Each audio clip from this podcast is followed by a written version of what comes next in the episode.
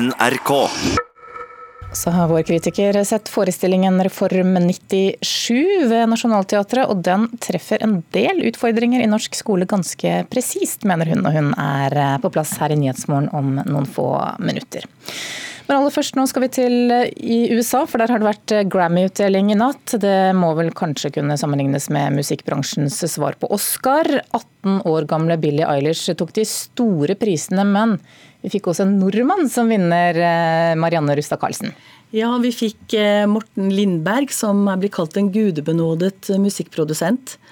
Og han ble endelig prisvinner. Jeg tror han har verdensrekord i nominasjoner, for han har vært nominert 28 ganger. Men endelig fikk han altså en pris for eh, albumet Lux. Hva er spesielt med dette albumet? Ja, det er veldig spesielt og har fått mye gode kritikker, men vi kan jo høre litt på det.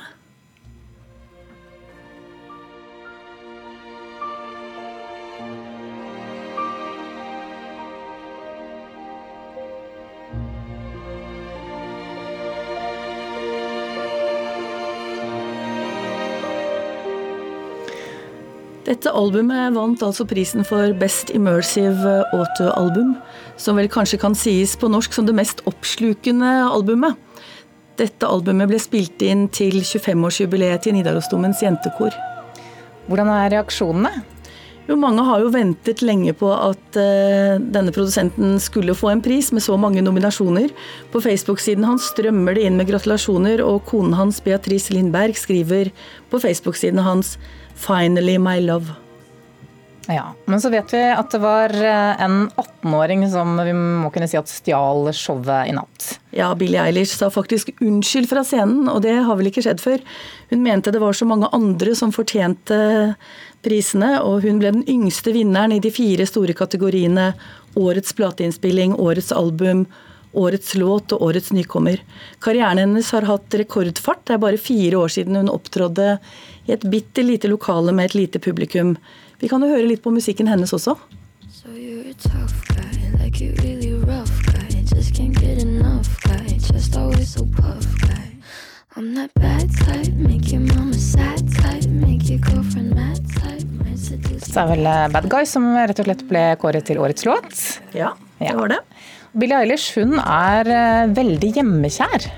Ja, hun, eh, mye av musikken hennes lages jo faktisk hjemme med broren som produsent. Og hun er veldig sterkt knyttet til, til broren sin, og han fikk prisen for årets produsent.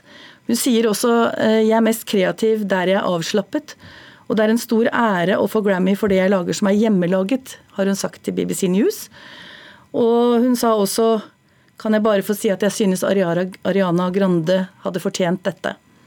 Tidligere på kvelden sa hun, sa hun, at hun følte seg egentlig som en person som ikke burde være der, og at de bare har invitert eh, en fan med en, eh, med en misforståelse. Mm. Så vet vi at det var mye jubel, applaus og glede, men det var også et eh, dødsfall som preget denne uttellingen i natt, nemlig basketstjernen Kobe Bryant som døde i en helikopterulykke i går kveld. Ja, Grammy-utdelingen foregikk jo nettopp i Staples Center, som var basketballspilleren Kobe Bryants hjemmebane. Flaggene utenfor vaiet på halv stang, og utdelingen ble også brukt til å hedre ham. Mange av tilhengerne var, eh, til den verdenskjente basketballspilleren var samlet utenfor. Og det var jo en merkelig situasjon med flaggene på halv stang og rød løper rullet ut. Ok, takk skal du ha, Marianne Rustad Karlsen.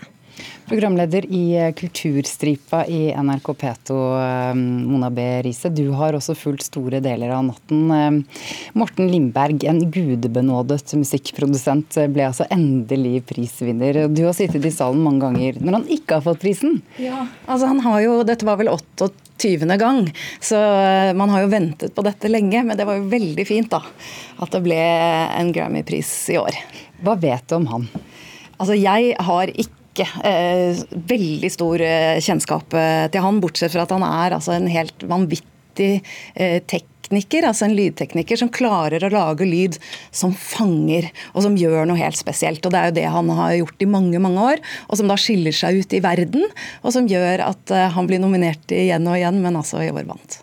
Hva kommer du til å huske fra denne Grammy-utdelingen, da, i tillegg til at en nordmann fikk pris? Altså, dette var jo spesielt fordi Kobe Bryant uh, dessverre døde rett før, så det preget jo hele uh, Grammy-utdelingen.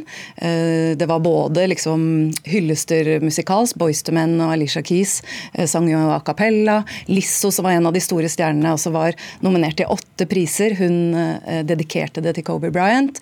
det var Lill Nas X hadde hengt opp en Kobe Bryant-skjorte. Den begynte liksom Old Town Road i, i, i, på gutter rommet sitt, og der hang det en Kobe Bryant-skjorte.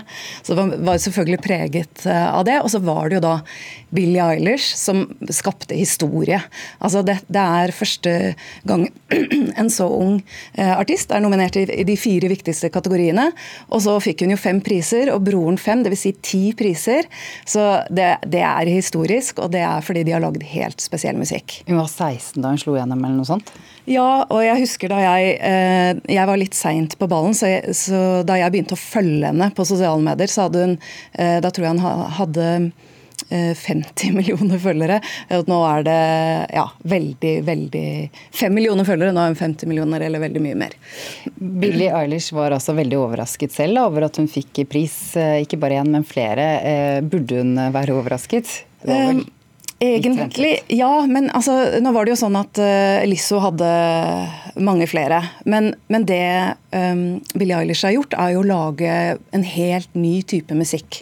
Altså Det er nedstrippet. Hun synger på en annen måte. Uh, alle ungdommer seinere har begynt å mumle litt sånn som hun gjør. Det er, det er, sterke følelser, og det er helt utrolige produksjoner. Og helt annerledes låter. Så vi har jo fått på en måte helt ny musikk pga. henne. Er det noen du synes burde uh, fått pris i natt, som ikke fikk det? Eh, det er veldig mange eh, på Twitter som har vært sure for at Lana Del Rey og Ariana Grande ikke har eh, vunnet nå. Eh, men jeg trodde ikke det kom til å skje. Ariana Grande hadde jo på en måte en skandale i fjor hvor hun egentlig skulle spille, det ble ikke noe av. Nå hadde hun en veldig sterk låt som ikke var nominert.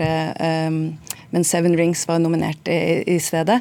Jeg trodde på en måte ikke det var hennes eh, år, men mange har liksom vært skuffa over det. Samtidig så kan man på en måte ikke se utenom Billie Eilish i år. Og Grammy har jo gjort dette litt med vilje, tror jeg. Å være relevante.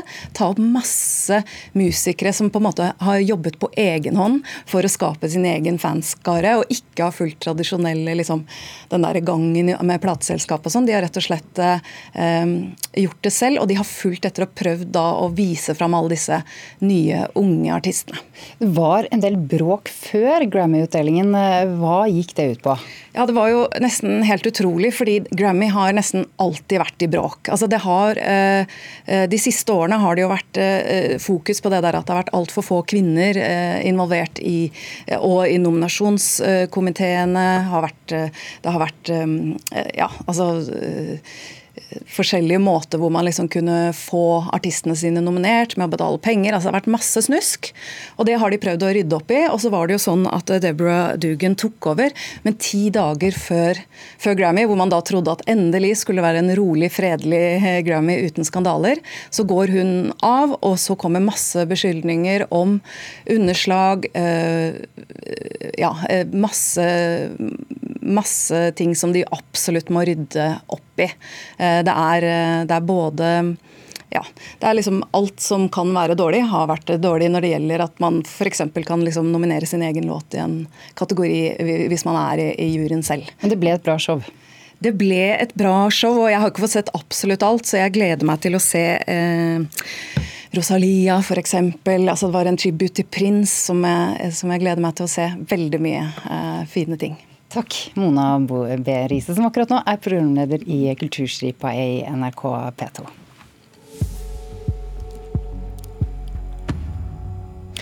Det er eh, over 20 år siden skolereformen som gjorde norsk eh, grunnskole tiårig, og som skulle la seksåringene få leke seg inn i skolehverdagen. Nå har regissør Tyra Tønnesen laget en teaterforestilling om dagens norske skolehverdag i lys av denne Reform 97. Vi skal aller først høre et lite utdrag fra stykket. Og til og med Trivselslederne blir jo kåra ved avstemning og vinner turer til Megazone og Tusenfryd. Men Det er klart at det er gøy å vinne, jeg skjønner det. Men det blir jo også utallige muligheter for å tape hver eneste dag. Ja, skulle vi diskutere prinsipielt nå, eller bare ut fra vår egen unge? Ja, dette er fra et foreldremøte i forestillingen Reform 97 ved Nationaltheatret med skuespillerne Birgitte Larsen og Marte Engebrigtsen i rollene som foreldre. Karen Frøsland Nystøl, teaterkritiker her i NRK, god morgen. God morgen. I dette utdraget så blir det altså påstått at den norske skolen skaper tapere. Er det dette, er det dette forestillingen handler om? Nei, altså det blir for enkelt å si det. Det er en ganske kompleks forestilling, sånn som norsk skolehverdag òg er ganske kompleks.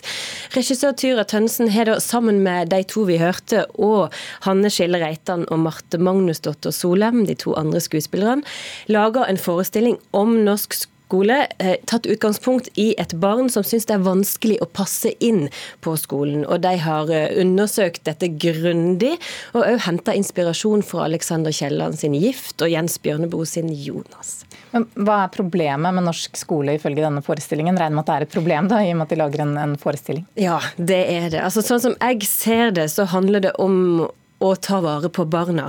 Hva gjør man når et barn ikke er i balanse i skolehverdagen sin, og hva skyldes det, ikke minst?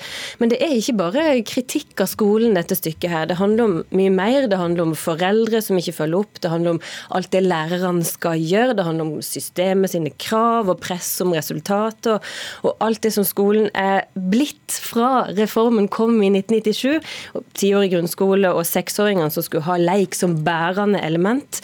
Og altså Spørsmålet det egentlig stiller sånn egentlig, det er hva gjør, hva gjør dere til gagns menneske? Som ja. skolen da skal gjøre. Ja, men Hva svarer forestillingen på det? Nei, Den svarer jo ikke på det, og det er det som jeg tenker gjør den interessant. da. Den setter skoleproblematikk under debatt. Og jeg syns det er spesielt tankevekkende at ingen spør denne eleven, Pax, som han heter, hvorfor han ikke trives, hva som gjør at han ikke har det bra på skolen. Han, han blir forsøkt forstått, men han blir ikke hørt. Og det, For meg som sitter i salen, så er det alarmerende. Så det eneste er at framstillinga av disse elevene syns jeg blir noe karikert. Jeg tror det handler om at kriblinga inni kroppen blir vrengt ut i, i spillet. Og det handler vel kanskje òg om hva som skjer når leik og fantasi og skaperkraft liksom skal, skal holdes i tømme. Det er akkurat som forestillinga viser at skolen ikke helt anerkjenner at kunnskap og kropp hører sammen for et barn. Mm. Skole er jo et eh, tema som engasjerer mange. De fleste av oss har jo gått på skole, mange har kanskje barn på skole eller jobber i skolen. Er Reform 97 en god forestilling? Ja, den er veldig interessant. Den er nyansert og veldig, veldig gjenkjennelig. Eh, så Tyra Tønnesen har laga en dokumentarisk forestilling som egentlig handler om hvordan vi vil leve, og hva som gjør oss til gagns mennesker. Og inn i det rommet der trenger vi alle å gå av og til. Men er det sånn at dette er også en forestilling som passer for de som går på skolen i dag? Nei, det syns jeg ikke. Jeg tror ikke en tolvåring vil kjenne seg igjen i hvordan den blir framstilt som elev på skolen. Ok, Takk skal du ha, Karen Frøsland Nystøl.